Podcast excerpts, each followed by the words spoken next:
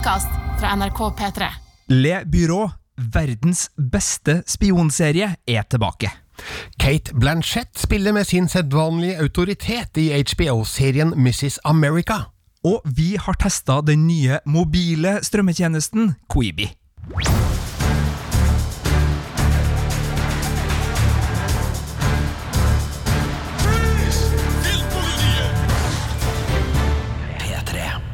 Velkommen til en ny podkast fra Filmpolitiet. Vi sitter som vanlig på hvert vårt hjemmekontor, og denne gangen er det Sigurd Vik og meg sjøl, Birger Vestmo, som skal holde deg med følge det nærmeste til kvarteret. Og det skal handle om ting som kan strømmes, selvfølgelig.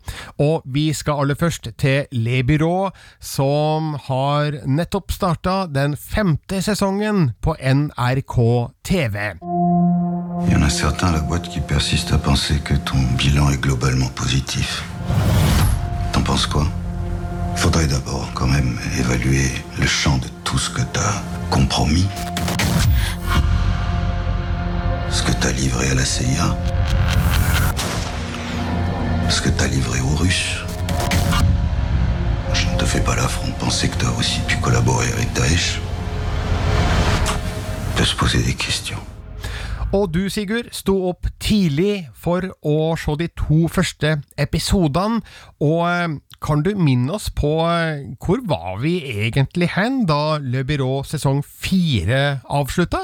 Eh, Skal vi driste oss til å si det? Det, det er jo nesten spoilete for alle de som ikke har sett sesong én, to og tre og fi... Ja, ja vi, vi, kan prøve, Birger. Altså, det var en av hovedpersonene som var i en voldsom skvis, og som det ikke ikke så nødvendigvis ut som det gikk så bra med da vi avslutta sesong fire. Det var rett og slett såkalt stolkantspenning på, på tampen der.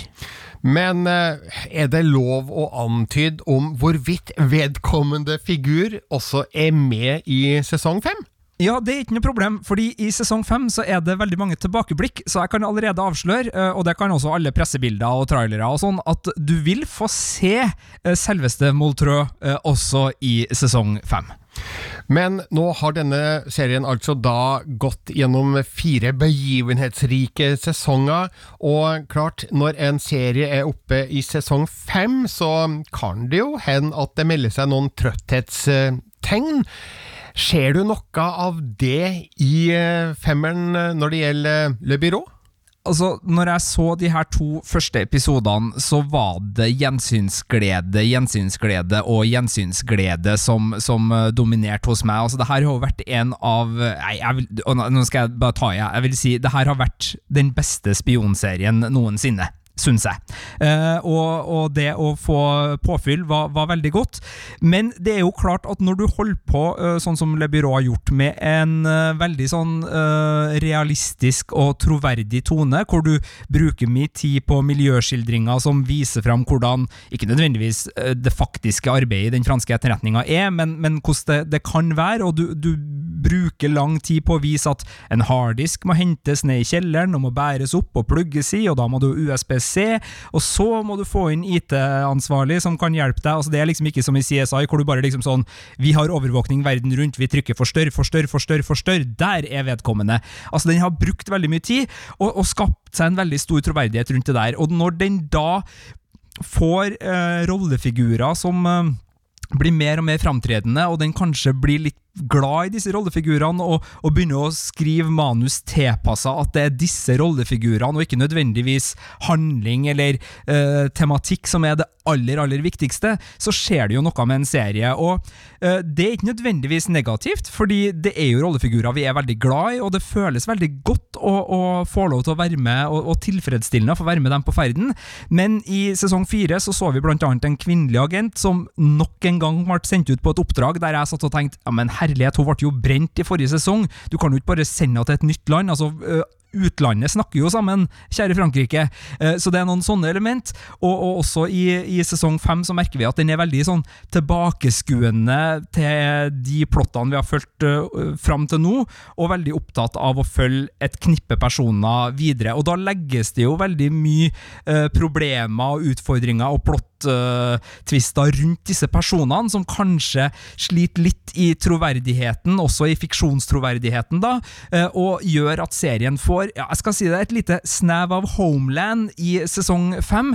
Eh, for her er det mye Midtøsten, her er det mye spenning, og her er det mye som skjer personer som uh, kanskje ville ha sittet litt mer på kontoret hvis den skulle ha vært mer nedpå, da. Eh, som du var inne på, så har Le Byrå vært prega av høy troverdighet gjennom de fire første sesongene, og mange av de utfordringene eh, figurene har vært igjennom, eh, har et rotfeste i den virkelige verden. Altså I den forrige sesongen så vi jo hvordan russisk etterretningstjeneste driver cybervirksomhet. Er det noe sånt å spore i sesong fem? Altså ting du kan kjenne igjen fra den aktuelle situasjonen vi har i verden i dag, minus korona? Uh, ja, uh, minus korona, så, så, er det absolutt det. Men her er du inne på det som gjør at, og jeg kan si det nå, da, jeg gir en veldig, veldig, veldig veldig sterk terningkast fem til denne sesongen. forrige sesong fikk terningkast seks, og jeg mener å det her er en terningkast seks-serie, men i de to første episodene, som da er to av ti episoder, så er det veldig mye tilbakeskuing og litt for lite av nettopp den der brennaktualiteten som har vært så bærende og så begeistrende i de foregående sesongene. Det er litt her, eh, og da er det svartebørshandel av etterretningsutstyr i Midtøsten som er kanskje den biten som, som, eh, som føles som det sporet som kan vokse seg størst, og det er selvfølgelig fremdeles hacking i Russland. Det er fremdeles alt det som er etablert, så, så det er jo storforlangende av meg å sitte her og forvente at sesongen skal liksom komme med en ny, brennaktuell tematisering av et helt nytt tema for hver eneste sesong, men, men eh, den er veldig opptatt med det den allerede har bygd, uh, starten av sesong fem. Den går, altså Det er et taktskifte uh, kontra de tidligere sesongene med at den går rett i strupen og har et veldig godt tempo med mange tilbakeblikk allerede i de første episodene. Her bruker den null tid på å si 'jeg en spionthriller. Her er det som har skjedd, her er det vi er midt inni, her er det som kan skje framover. Altså, den er uh, nesten som en, uh, som en, spenningsserie fra USA i, i så måte. Uh, så, så, det er litt uvant, men, men, det er også fint. Men, men det er kanskje det jeg savner, da det er den der store tematiske nyvinningen som, som, spenner seg ut, og som sier her er det du ikke har sett før, som du skal få i Le Bureau sesong fem. Jeg tror nok kanskje det er der, men etter da kun to av ti episoder, så er det ikke så lett å få helt rede på hva det er.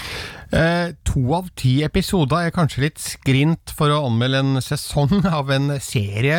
Er det noen åpenbare grunner til hvorfor du bare har fått se de to første? Ja, det er vel rett og slett det faktum at uh, her ligger vi veldig tett på den franske premieren, uh, og NRK har da ikke fått såkalte screeners, eller påsynskopier, å dele ut til pressen for uh, mer av sesongen. Det er godt mulig at det finnes i et hvelv i Frankrike alle episodene klar og, og flunkende god, men jeg tror forrige runde så fikk vel pressen se fire episoder av ti for anmeldelser, og denne gangen så fikk vi faktisk tilbud, Birger, det har ikke jeg sagt til deg, men eh, jeg kan si det til deg nå i podkastform, eh, om å se de to første episodene noen dager i forkant, men da uten tekst. Og min fransk er så begredelig at jeg takka nei og sa da venter vi heller til dere har fått teksten på, og det var da til premieren.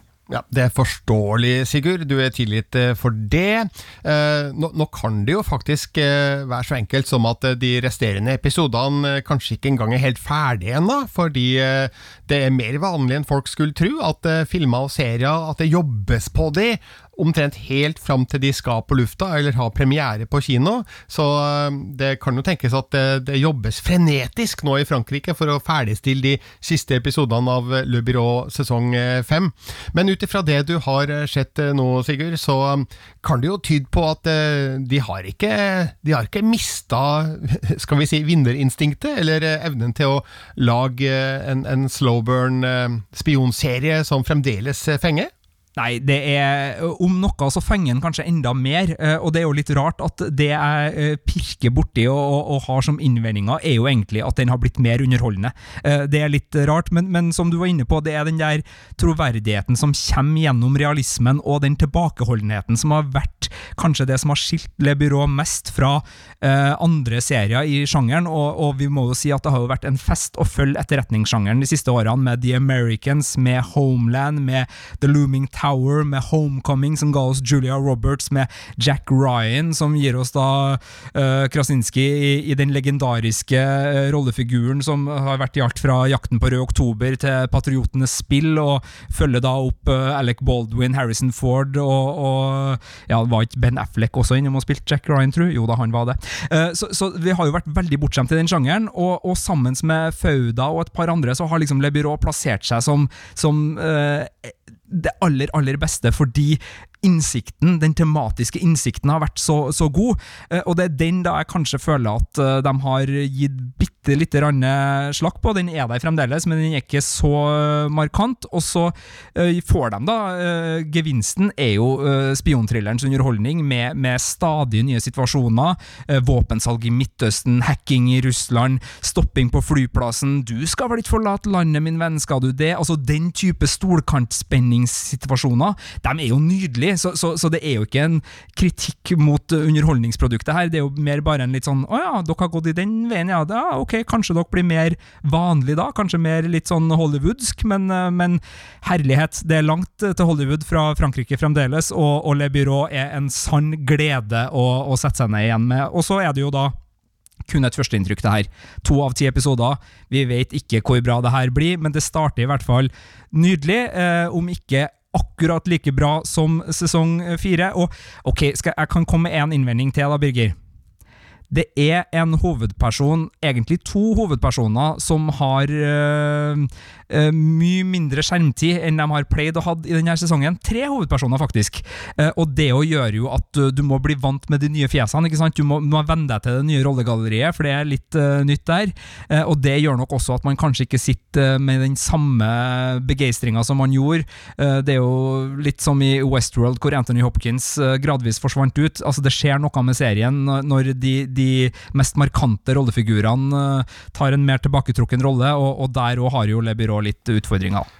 Jeg har jo ikke begynt å se Westworld ennå. Forteller du meg nå at Anthony Hopkins forsvinner ut, Sigurd? Nei, han eh, får en mer tilbaketrukken rolle, sa jeg. ok, godt å høre. Men du, akkurat nå sitter jeg og misunner dem som ennå ikke har begynt på Le Byrå. Det finnes jo en del av de, men hvis man går på NRK TV, så ligger alle de fire første sesongene tilgjengelig der. Og så kan man altså da også begynne da på sesong fem, når man har sett ferdig de første fire. Og der er det mye gull i vente. Det er jo en serie som har fenga en stor del av befolkninga allerede, eh, men eh, jeg vet ikke hvor eh, hvor populær tror du Le Byrå er? Er det en skal vi kalle det elitistserie, eller treffer den et bredt lag av, av TV-seere i Norge? Jeg tror den eh, treffer begge de kategoriene du nevnte der. Det er nok definitivt en sånn må ha sett-serie som alle som ser på seg sjøl som TV-seriefans, eh, putter på, på, lista, fordi den må man ha sett for å kunne ja, kalle seg en skikkelig TV-seriefan. Så den har absolutt det aspektet. Men eh, NRK har jo et veldig stort publikum eh, som, som, ikke nødvendigvis er opptatt av å smykke seg med diverse ting, som bare er glad i, i god TV. Jeg tror mange har oppdaga Le Byrå gjennom at den har gått på NRK, vært tilgjengelig der i, i nettspilleren. Så jeg tror den også har et, et bredt publikum som rett og slett har kommet til denne serien fordi det er en kvalitetsserie som de har uh, blitt sittende å se, og ikke nødvendigvis for at den uh, blogges om og skravles om på sånne podkaster som Filmpolitiet sin podkast osv. osv. Når du ser Le Byrå, Sigurd, uh, tror du at fransk etterretningstjeneste fungerer akkurat på den måten vi ser i serien?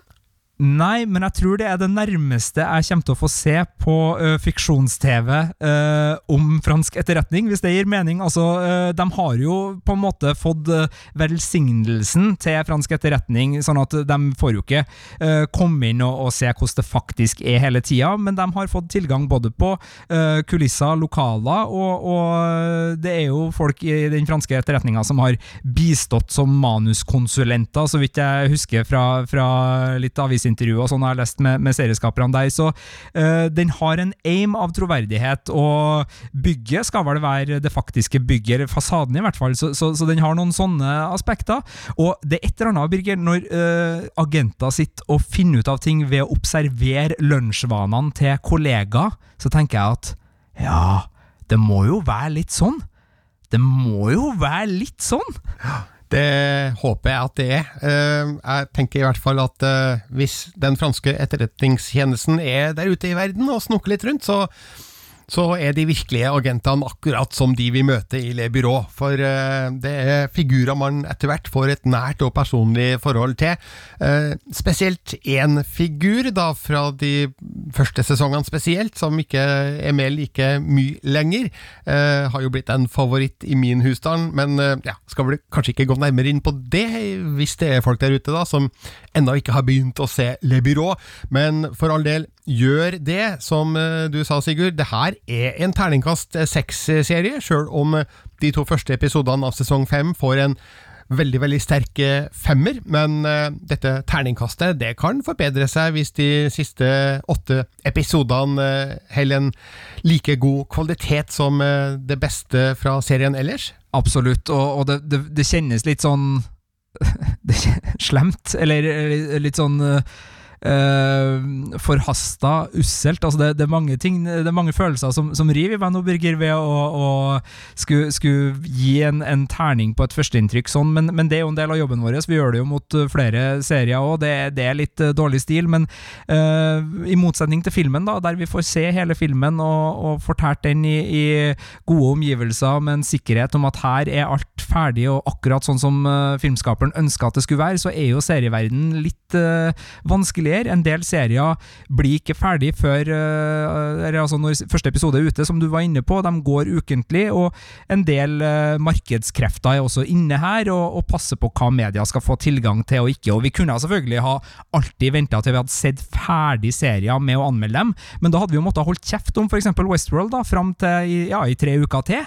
Uh, og det vil jo være litt rart, for vi er jo så gira på det underveis. Og sånn er det med Le Byrå. Dette er en serie som kommer med episoder framover over nå. Jeg tror faktisk det kommer to episoder i slengen. I hvert fall så gjorde det det nå, og jeg tror det kommer to episoder uh, neste uke også. Men, men uh, du har det der uh, Spenninga bygger seg opp underveis, og, og, du diskuterer det underveis, og du lager fanteorier underveis, og, og, alt det som vi er veldig glad i, vi som er glad i, i serier. Og, og, derfor så er det et førsteinntrykk på terningkast fem, men jeg er så definitivt med på turen videre her, og det kan godt være at det er tilbake på terningkast seks som den har fått av oss i Filmpolitiet tidligere, eh, når vi sier episode ti er ferdig. Og du har for øvrig helt rett, Sigurd, i antagelsen om at eh, de to neste episodene kommer samtidig, om ei uke, og jeg vil anta at det gjelder også de resterende episodene. Men akkurat nå så kan man se episode én og to av eh, Le Byrå sesong fem i appen NRK TV.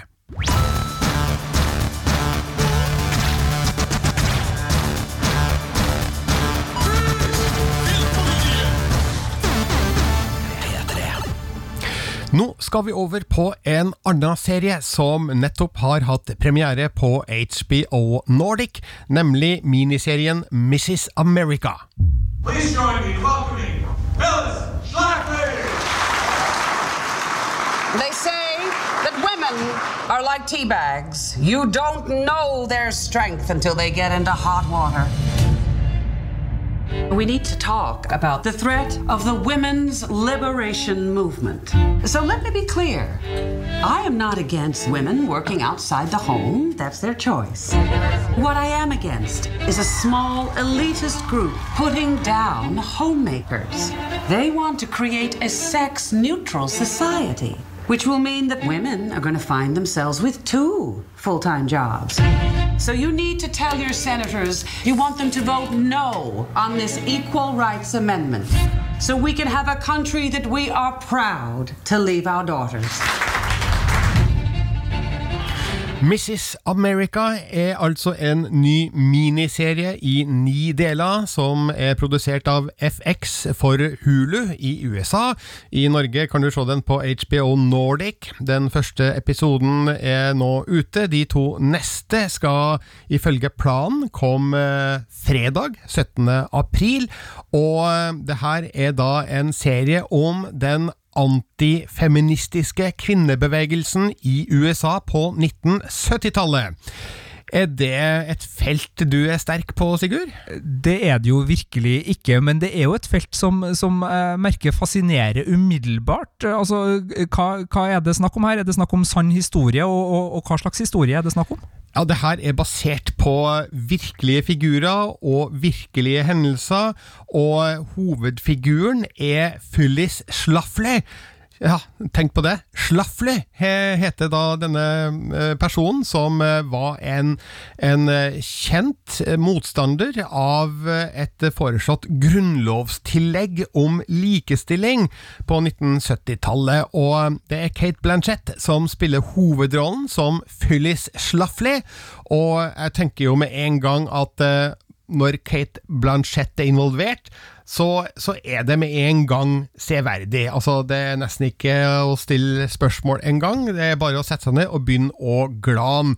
For det her er en skuespiller som eh, jeg tror er ute av stand til å være med i noe dårlig. Eh, kan du være enig i eh, den tanken, Sigurd? Nei, Hun var jo de begredelige hva de heter, Ringenes herre-filmene til han der Peter Jackson. da De var jo katastrofe. Men, men bortsett fra det, så har du Nei da, herlighet, du har jo helt rett, Birger. Ja, altså Carol, Blue Jasmine, Elizabeth, eh, Oceans 8 for den del. Ok, det var kanskje en av hennes litt svakere filmer, da, når vi er inne på det. Men eh, uansett, hun er en person som eh, vekker interesse omtrent uansett hvilken filmproduksjon eller serieproduksjon hun er med i. Og nå spiller hun da nok en gang med stor autoritet da i Mrs. America. Denne Phyllis Schlafly hun var da en konservativ antifeminist som da jobba mot Equality Rights Amendment, som, eh, som jeg sa, et foreslått tillegg til den amerikanske grunnloven, som da skulle sikre like rettigheter til, til alle amerikanere, uavhengig av hvilket kjønn de var. men Phyllis Schlafly hun eh, var ikke interessert i den formen for likestilling, og vi ser jo da i serien hvordan hun samler en eh, gruppe likesinnede medsøstre. Hun starter en kampanje fra sitt eget hjem i Illinois, bruker da selvfølgelig da telefon og, eh, og brev, det her er jo et godt stykke før internetts tid, for å da skaffe nok protester mot Equality Rights Amendment. Og det serien gir en interessant innføring i, er jo eh, akkurat eh, hvorfor de var imot likestilling. Eh, jeg har sett de tre første av de ni episodene, og eh, det eneste jeg savner fra de tre, er en litt grundig forklaring på akkurat hva som var årsakene bak protestene. Altså, vi får noen glimt av det. Eh, vi får følelsen av at Phyllis Schlafly og de andre i hennes bevegelse de er redd for at eh, USAs husmødre skal miste sine økonomiske privilegier. Eh, de er også engstelige for at det skal innføres kjønnsnøytrale toaletter. Og så er de engstelige for at kvinner skal kunne innkalles til førstegangstjeneste og bli sendt ut i krig. Eh, jeg tenker jo at de neste episodene som jeg ikke har sett, må jo inneholde litt mer enn det. Men eh, vi ser hvordan de jobber møysommelig og målretta for å eh, forhindre at Equality Rights Amendment blir godkjent i USAs ulike delstater. Og så er det da en eh, interessant eh, skildring av hvordan feminister jobber på den andre sida for saken. Og her møter vi også flere interessante figurer fra virkeligheten, som Gloria Steinem, spilt av Rose Byrne, Betty Frieden, spilt av Tracy Ullmann, Um, Elizabeth Banks spiller Jill Ruckelshaus, mens Margot Martindale spiller Bella Absug. Og Uso Aduba, mange kjenner, kjenner jo hun fra eh, Orange is the New Black. Hun spiller Shirley Chisholm, som faktisk da eh, var presidentkandidat i 1972, der serien starter. Uh, mens uh, frøken, uh, eller fru heter hun faktisk da, fru Schaffley, hun omgis av figurer på den konservative siden av amerikansk politikk, som spilles av blant andre Sarah Paulson, Melanie Linsky og Ginny Triplehorn. Så det er en stjernetung serie, det her, Mrs. America, som, som på alle måter fremstår som en prestisjetung satsing da fra FX og Hulu, og også da HBO Nordic da i Norge. Ja, jeg jo, har jo elska Sarah Paulson helt siden hun var med i serien Jack og Jill, som gikk på jeg tror TV2 uh, eh, for en 15-20 eh, år siden. Uh, nok om det. Det er jo sånn at det her er hi historie som jeg merker at fenger meg, som jeg kan altfor lite om, og som jeg kjenner at jeg er glad at såpass gode både skuespillere og serieskapere har tatt seg bryet med å gjøre om til en historisk serie som jeg vil tro både underholder, men også gir gir innsikt. Men jeg er jo spent, da, Birger. altså øh, fra 2020-ståsted, øh, hvordan øh, beskrives denne historien? Altså, er den vekta på noe vis som gjør at man liksom merker serieskaperne sin holdning til materialet, eller er den ganske nøytralt uh, skildra? Ja, I løpet av de tre første episodene så virker serien forholdsvis nøytral og upartisk, og jeg tenker at hvordan du vil oppfatte figurene, eh, avhenger litt av eh, ditt eget politiske ståsted og hvilke verdisyn eh, du har. Serieskaperen er jo Davy Waller, som har vært involvert i Frustrerte fruer og Mad Men og Halt and Catch Fire, så mm, det er en kvalitetsperson når det gjelder serieskaping. Og det virker som at Waller tar høyde for at vi kanskje ikke vet veldig mye om problematikken og figurene som var involvert i den, slik at eh, de første episodene der er det en hel rekke figurer og uh, fakta og sammenhenger som uh, vi må bli presentert for, og det kan være mye å ta inn over seg, og um, det var nok uh, deler av uh, første episode, i hvert fall, der jeg lurte litt på hvem er disse folka? For uh, introduksjonene vi fikk, de var litt kjappe og hyppige, og også uteksta på den screeneren jeg så, så det var faktisk litt vanskelig å holde følge og skjønne hvem som var hvem, og hvilken funksjon de hadde, men det satt mye bedre utover i episodene. så her er det bare å lene seg tilbake og ta all informasjon inn over seg, men det presenteres på en eh, så eh, super måte at uh, det blir aldri kjedelig. Og uh, den innledende forvirringa, den, den, den, gir seg ganske snart. Eh, så jeg syns serien i løpet av de første tre episodene eh, greier å formidle synspunktene til både den konservative sida og den mer liberale fløya, hvis vi kan kalle det. Og den viser jo kontrastene i tankegangen på begge sider, og den er ikke bare positiv på den ene og negativ på den andre, men uh, prøver å ha en slags likevekt, da, som, uh, som er like, og som nok vil gjøre at folk på begge sider av den politiske skalaen vil finne ting de kan relatere seg til i Mrs. America.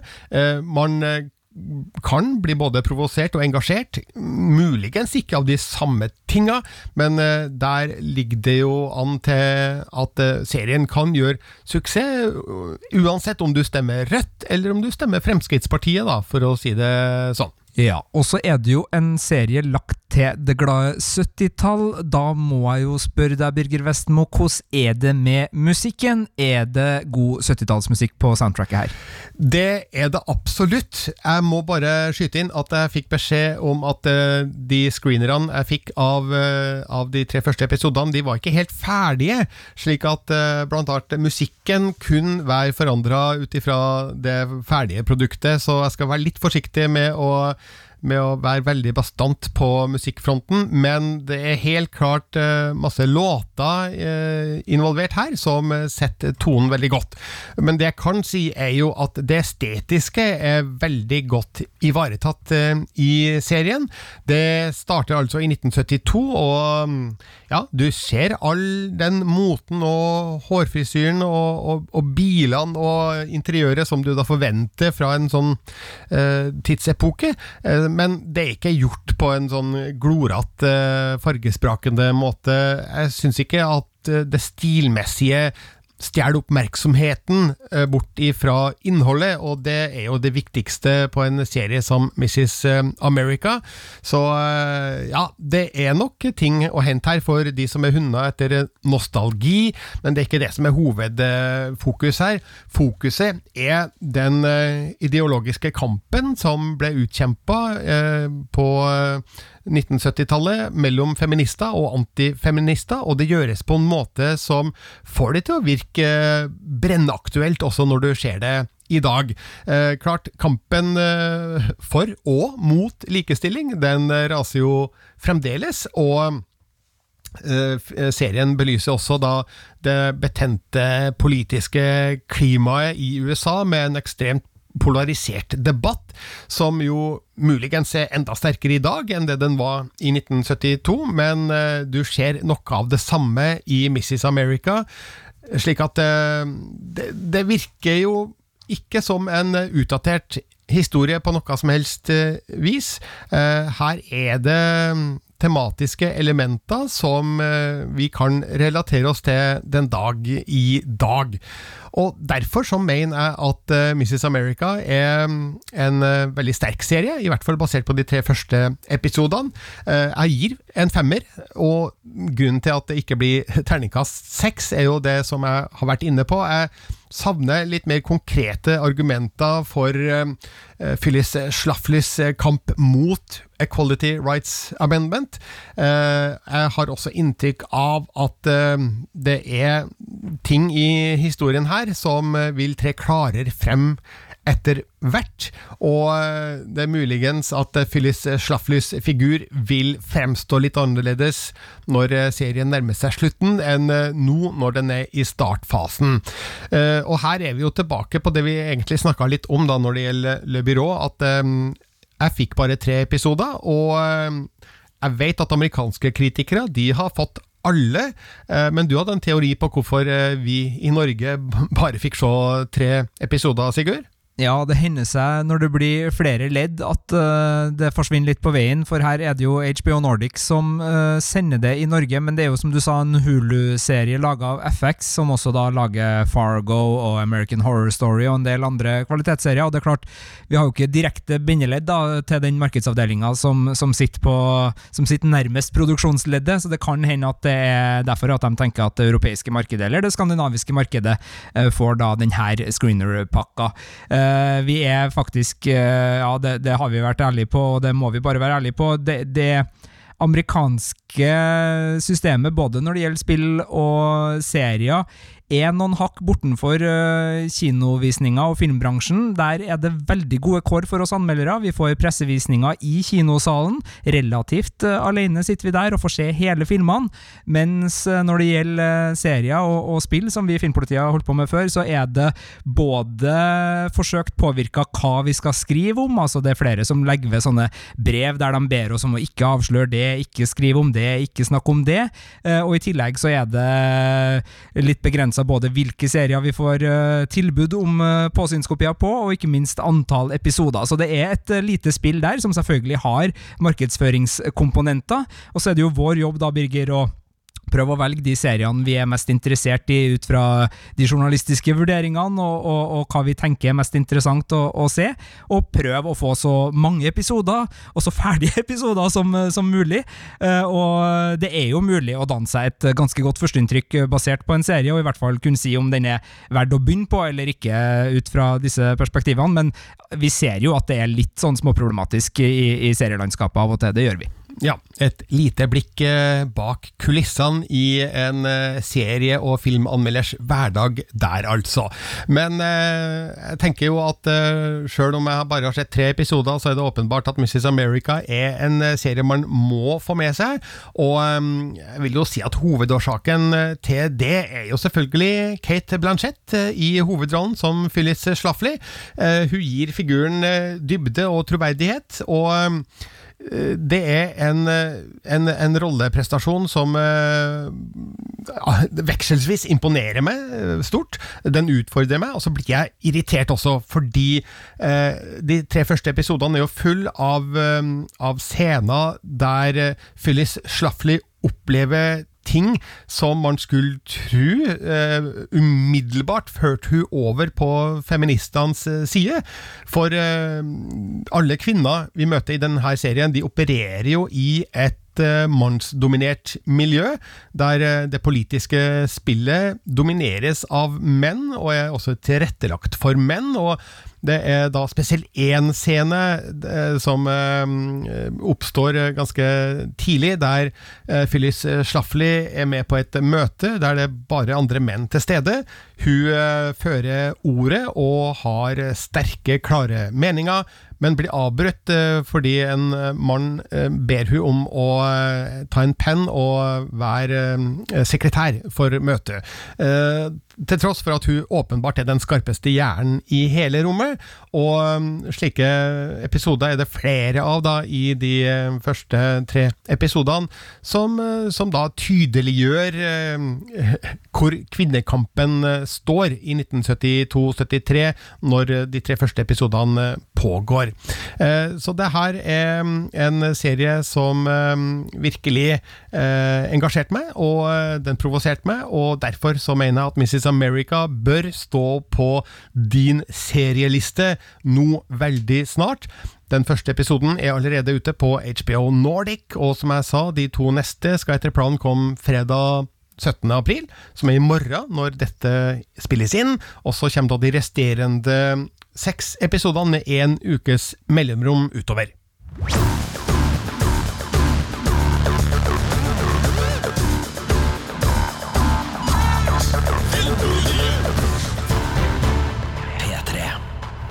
Til slutt i denne podkasten fra Filmpolitiet skal vi snakke om Queeby. Og Sigurd, du må forklare oss hva er Queeby for noe? Det, Birger, er den nye strømmetjenesten som uh, finnes for mobile plattformer. Det er um, en strømmetjeneste vi har snakka litt om i Filmpolitiet tidligere og vært spent på, fordi de tilknytta seg noe enormt med kjente navn som skulle være med å skape serier for denne plattformen. Og det som er spesielt med plattformen, er jo selvfølgelig at det er korte videoer du kun kan se på enten telefonen eller uh, nyere nettbrett. Du kan ikke se det her på, på TV-en din på noe som helst vis, du kan ikke se det på laptop, uh, og det er ikke episoder som varer i mer enn ti minutter per episode.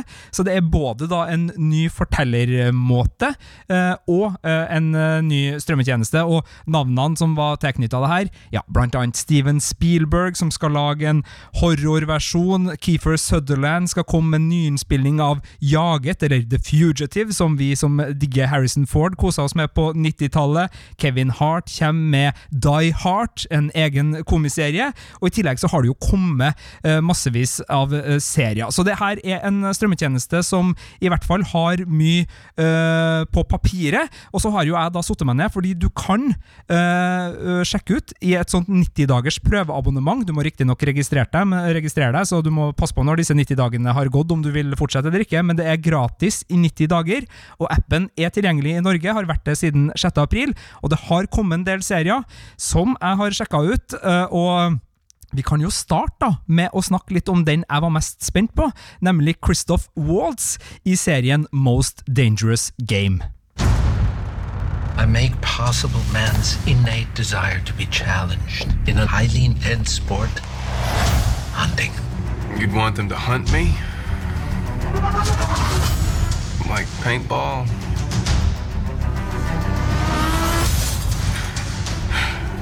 Like tag or something?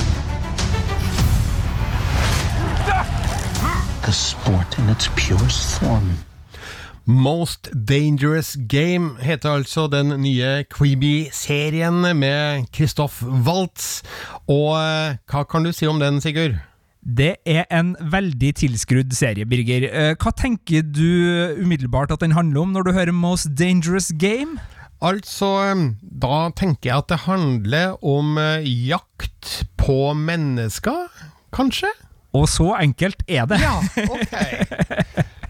Uh, Christoph eh, Waltz, uh, kjent da fra annet Tarantinos nydelige uh, Inglorious Bastards, spiller en riking. Liam Hemsworth spiller en kreftsyk kar som har kone, stort huslån og barn på, på vei, og som lurer på hvordan skal jeg klare å forsørge familien min når jeg dør av kreft ganske snart. Løsningen? Eh, rikfolk som trenger bytte i sin menneskejakt i urbane omgivelser.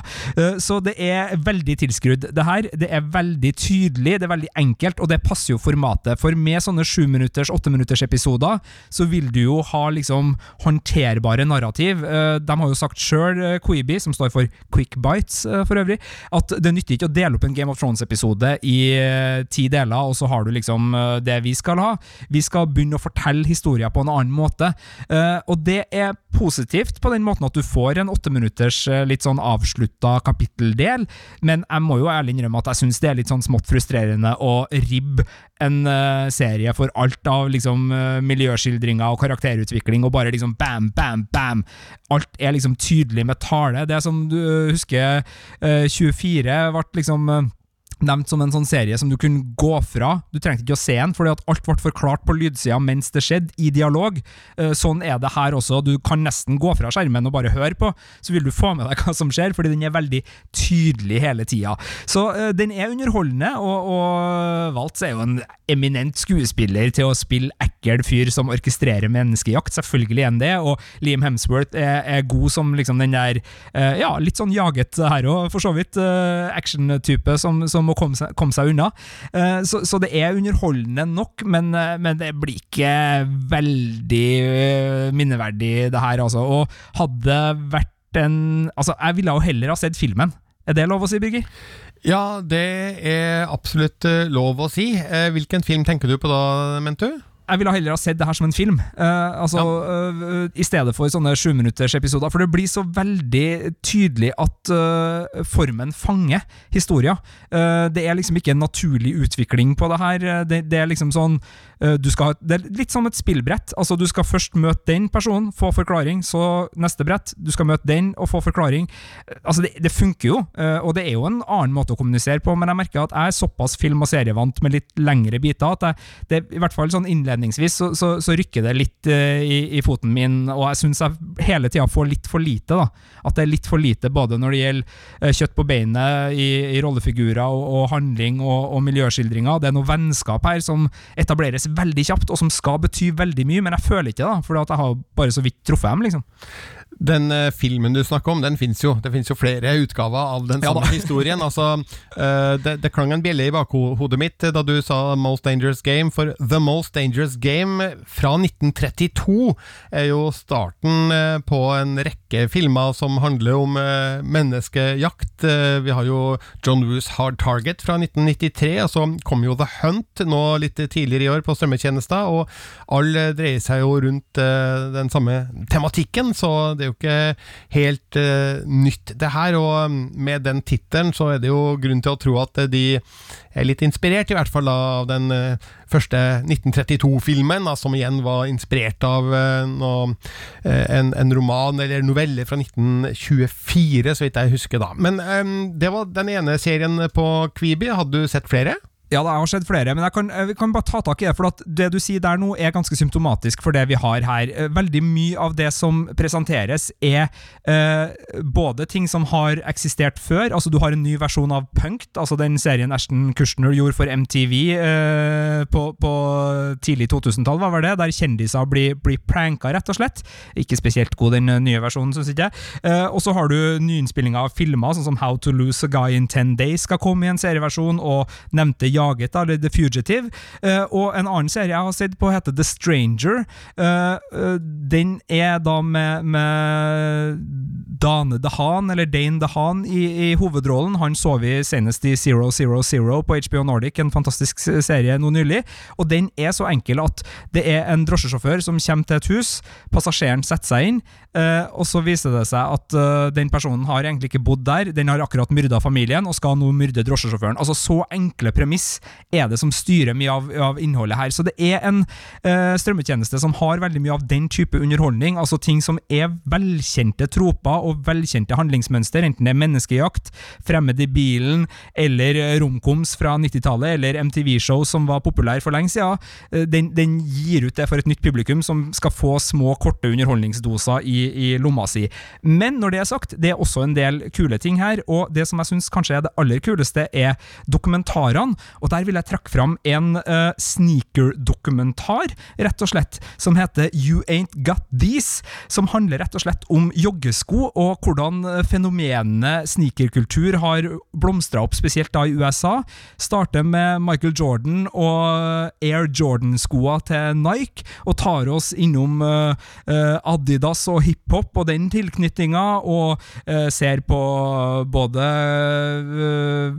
ja, kulturell utvikling og, og designere, og hvordan det her har blitt eh, inkorporert i, i eh, Louis Vuitton og de fjongeste merker. Rett og slett en artig og, og fengende og ganske politisk eh, dokumentar da, som eh, Lena White, kjent bl.a. fra Master of None-serien, skuespiller og Emmy-vinner, eh, leder da ved å fære rundt og intervjue veldig mange her, eh, både artister, idrettsutøvere og designere da, som har vært med og, og skapt eh, sneaker-greia. Og så er jo selvfølgelig det artigste at du også får se når sånne køer blir til kaos, for det er jo en del limited editions ute og går i joggeskoverden, eh, og du får også et historisk rist da i, i hvordan eh, bransjen, eh, og, og ikke minst resale-bransjen, opererer når det gjelder de litt mer eksklusive skoa.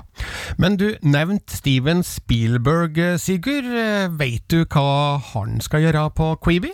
Ja, han har jo, og nå er vi jo godt inne i det litt sånn jippo-aktige greia med Quibi, da, fordi det er jo en strømmetjeneste som bare er tilgjengelig på telefon. Jeg har en gammel iPad som er noen år gammel, jeg får ikke lasta ned appen på den, men hvis du har en ny tablet eller iPad eller en eller annen sånn, så skal du få det til. Men den går ikke på Chrome, den går ikke på Apple TV. Du får ikke til å airplaye det her til TV-en din. Du er liksom tvunget til å se det på en mobil plattform. Eh, og Spielbergs After Dark, som da skal være en horrorserie som Steven Spielberg har skrevet, er i tillegg bare mulig å se når telefonen din registrerer at det er mørkt ut. Ok, eh, funker det med eh, norsk eh, nær sagt, når vi nærmer oss sommeren? Spennende, eh, spennende spørsmål, Birger. Altså, jeg vil tro at den setter opp noen noe tidsparameter, men det står da at den eh, her er fra Variety, som, som skriver Steven Spielberg is penning a horror eh, series for Quibi that users will only be able to see when their phone knows it's dark outside. Så, så det her er jo en, en eh, nyvinning som kan selvfølgelig begeistre ved å være eh, sær og passe på å sette stemninga for dem som skal se det, men jeg vet ikke, Birger, syns du at strømmetjenesten skal bestemme når du får se innhold, er et steg framover eller et steg tilbake? Nei, det må jo være et steg tilbake, fordi eh, det vil jo være et inngrep i vår personlige frihet, men eh, jeg vil jo tro at baktanken her er at eh, dagslyset ikke skal ødelegge for eh, synsopplevelsen da, ved å se på skjermen, men eh, det er jo bare å trekke for gardina, så vil jeg tro at eh, du har det på det rene, men det høres jo litt sånn småmerkelig ut. Vi får vente og se hva det her eventuelt blir. Tenker jo at Quibi er en morsom greie, men uh, veit ikke helt om jeg tør spå at det her blir en sånn gedigen suksess. Altså, Ser du for deg at uh, vi alle skal gå rundt og se på små, korte creepy serier fremover, Sigurd? Det er vanskelig å, å, å, si helt, fordi klart at uh, for uh, Quibi så er det nok en større forbrukerkrets enn de som allerede er veldig glad i TV-serier, et mål her. Så de ønsker nok å få tak i folk som kanskje ikke har et serietilbud gjennom uh, Netflix, og som kanskje ikke går så mye på kino, som kanskje ikke ser så mye serier, og tilby dem mer sånn kjapp underholdning og, og, et kortformat som lar seg forene med f.eks. For en busstur eller andre sånne små pauser du har i hverdagen hverdagen. Og det er klart, Der ligger det et enormt potensial, og de har jo også et, et kjendisgalleri som uh, inkluderer Steven Soderberg, Guillermo del Toro, Sam Raimi, uh, Catherine Hardwick, Anna Kendrick, altså Lawrence Fishborn. Det er så mange stjerner som er tilknytta ulike uh, deler av Queeby-universet, som riktignok ikke har kommet alt ennå, men som skal komme framover, både av skuespillere og, og, og skapere.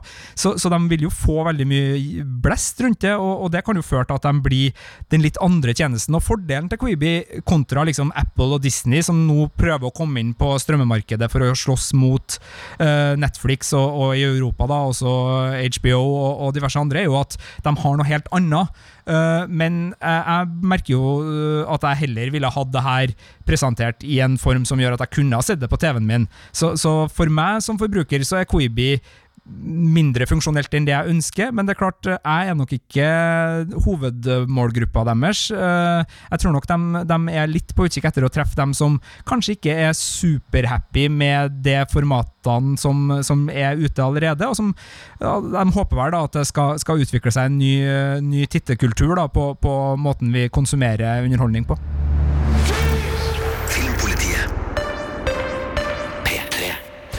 Det nærmer seg slutten på denne podkasten fra Filmpolitiet. Vi er tilbake om en uke i podkastform, men husk at du òg kan høre oss på P3 hver søndag fra klokka 12 til klokka 15.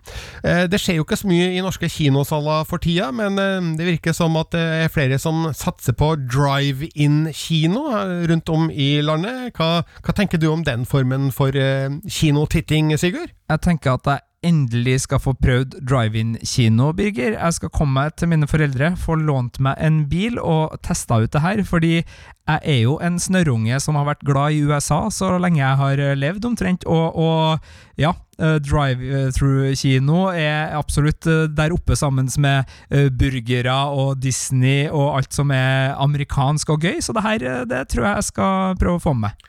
Jeg har ennå ikke vært eh, på en drive-in-kino sjøl, eller drive-through-kino, som du nå har døpt om deg, Sigurd. Ja, men, beklager, beklager. men, men uh, har jo som deg sett uh, klipp fra eh, slike drive-in-kinosituasjoner i amerikanske filmer opp igjennom. Eh, nå eh, senest i Quentin Tarantinos Once Upon a Time in Hollywood. Så det er jo klart, det ligger jo et nostalgisk drag over hele ideen om drive-in-kino. Men jeg vet ikke om det i praksis er den beste måten å se en film på. Det er vel kanskje mer en sånn situasjonsopplevelse enn en optimal filmopplevelse, tenker jeg da. Men uh, vel, vel, det kan jo hende at um, det er en uh, alternativ måte å se film på som har en viss sjarm. Jeg tenker at de som har lyst, skal absolutt oppsøke drive-in-kino der det er mulig i, landet. Personlig så tenker jeg at jeg blir sittende hjemme og se film Eh, i hjemmekinoen, eh, som eh, jeg også skal gjøre i neste uke. Da er det klart for en storfilm på Netflix, forhåpentligvis i hvert fall, da, som heter Extraction. Den er produsert av brødrene Russo, kjent for de siste Avengers-filmene, og det er jo Chris Hemsworth som spiller hovedrollen som leiesoldat i Extraction, som har premiere fredag om eh, en uh, ukes tid. Altså fredag 24. april. Og hva skjer på din front i løpet av uka som kommer, Sigurd? Nei, det blir jo en del drive-through, da. Det er jo avslørende nok, eh, det der, eh, den forsnakkelsen. Eh, Nei, det skjer jo ting på, på seriefronten nå, og jeg må jo si at Ricky Gervais sin Afterlife-serie på Netflix var en serie jeg var veldig glad i, som kom i fjor, og jaggu er det klart for sesong to, så det er vel blant de seriene jeg ser mest frem til i uka som kommer. Åh, jeg har jo ikke sett Afterlife sesong én. Bør jeg rydde eh, ukeplanen og, og få den inn?